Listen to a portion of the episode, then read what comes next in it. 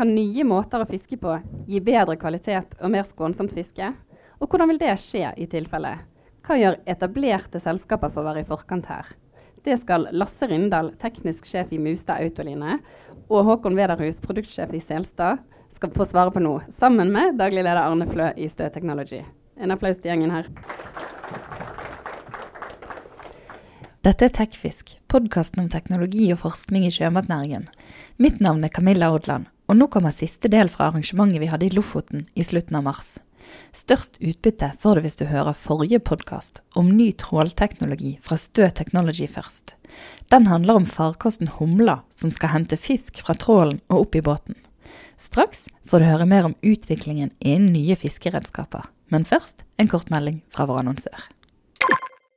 Moen Marin er landets ledende leverandør av fartøy til fiskeri- og havbruksnæringen. Med nesten 100 år lange tradisjoner, fokus på nyskaping og en solid kompetanse innen marin teknikk, automasjon, elektronikk og digitalisering, tilbyr Moen Marin fartøy rigget for fremtiden. Kvalitet er vår rettesnor, og fartøyene er grønnere, mer økonomisk og gir bedre arbeidsforhold for mannskapet.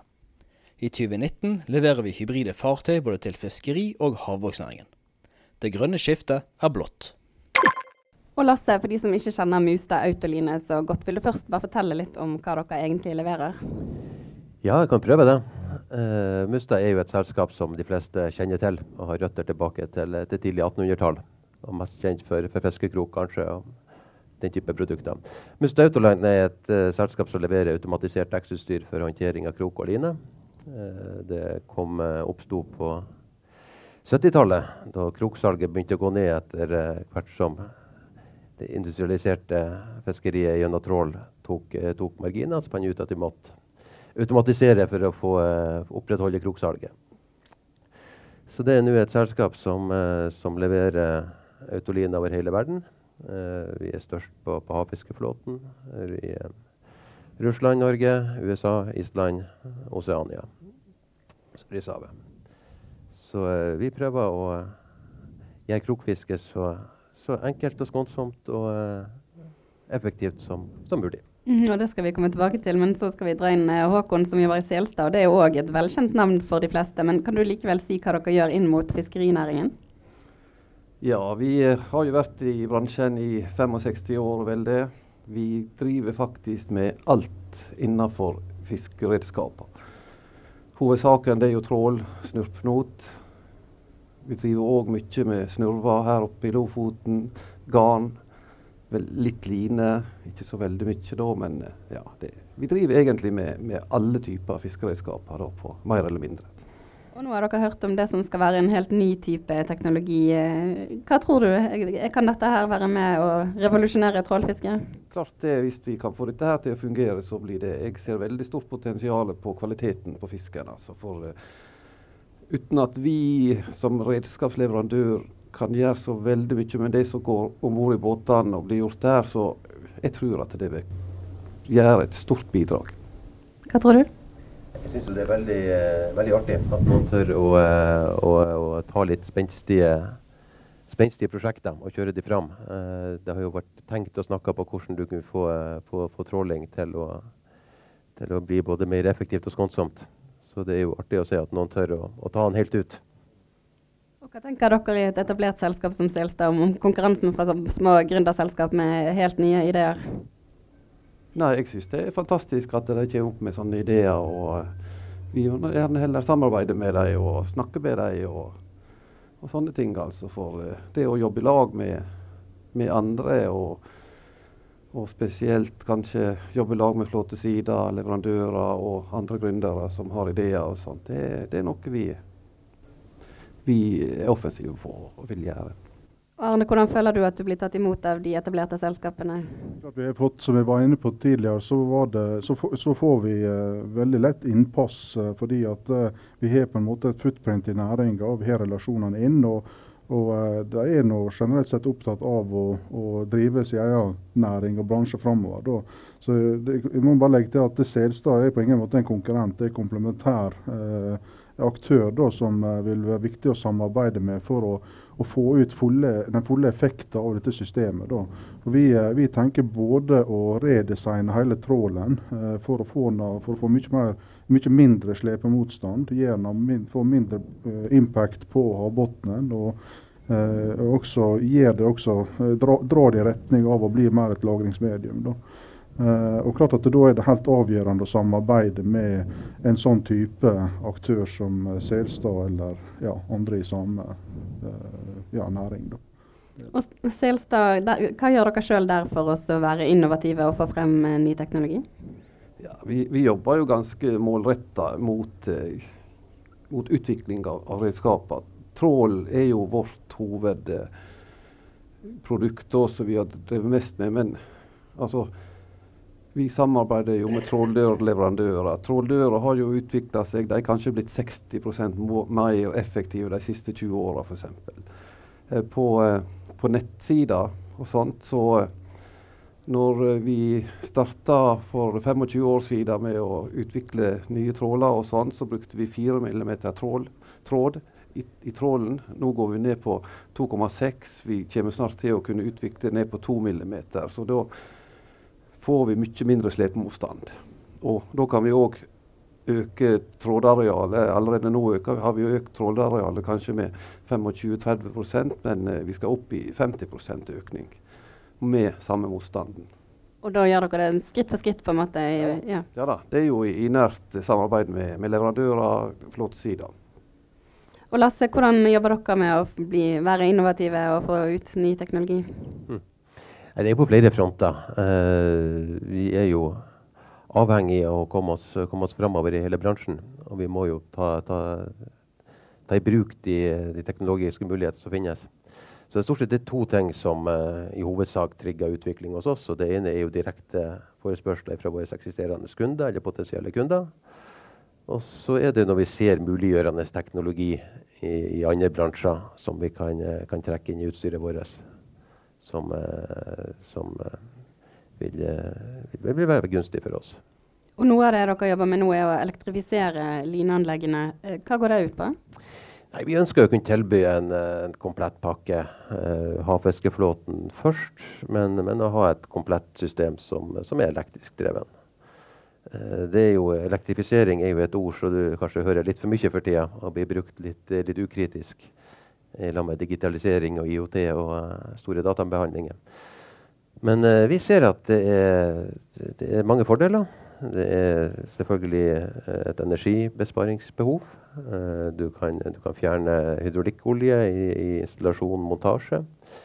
Styringsmulighetene som du har på elektriske motorer og drivere i dag, er fantastisk mye bedre enn hva vi har på, på hydraulikk. Selv om antageligvis hydraulikken blir, blir bærebjelken vår i mange år framover. Så, så, ser vi at uh, alle piler peker imot at elektrisitet blir den uh, nye store bæreren av, energi. Mm, og så har jeg lest et sted at uh, dere ikke tar patent på produktene dere utvikler. Hvorfor ikke det? Patentering er en, en krevende idrett. Du kan få et patent, det er greit, men, men det skal opprettholdes. En ting er hvis vi bare konkurrerer internt i Norge, men det er jo en del, del, andre land som kan være potensielle konkurrenter. Der det vil være veldig dyrt og veldig krevende å forfølge et, et patent hvis vi ser et brudd.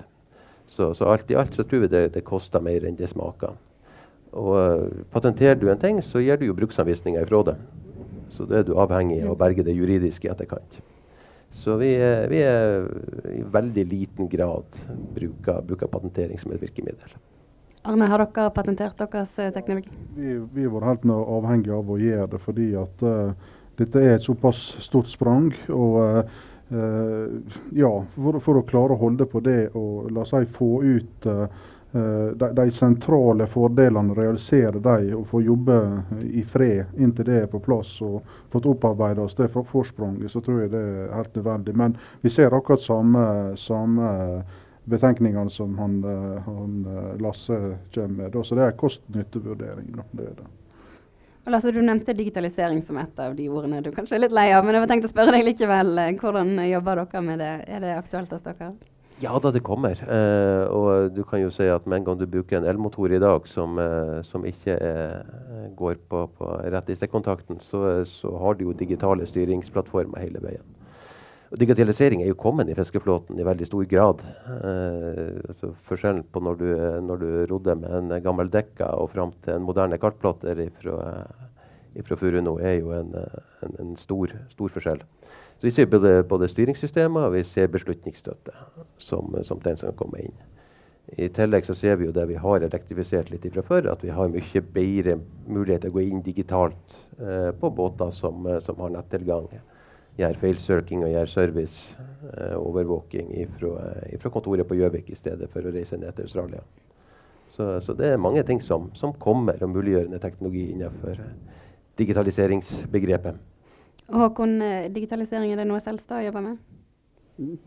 På fiskeredskaper er ikke det så veldig mye da, men jeg har veldig tro på at det kommer mer og mer. Selv om vi ikke har kompetanse på det.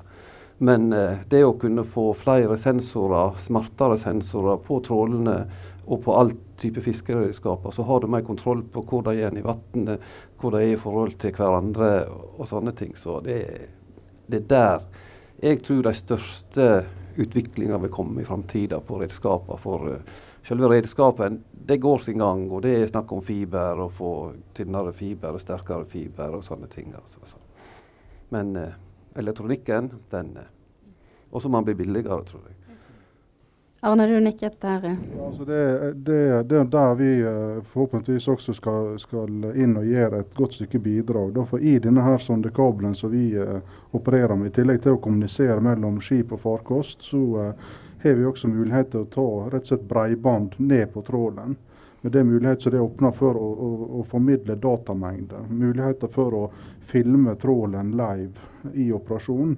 Eh, det gir muligheter sånn som inn mot uh, optimalisering av trålen, få nye erfaringer. Det å kanskje plukke ta uh, stål på, på G-lina i stedet for å hive på mer stål. fordi du vet rett og slett ikke hvor, hvor bra han, han, står eller ikke står.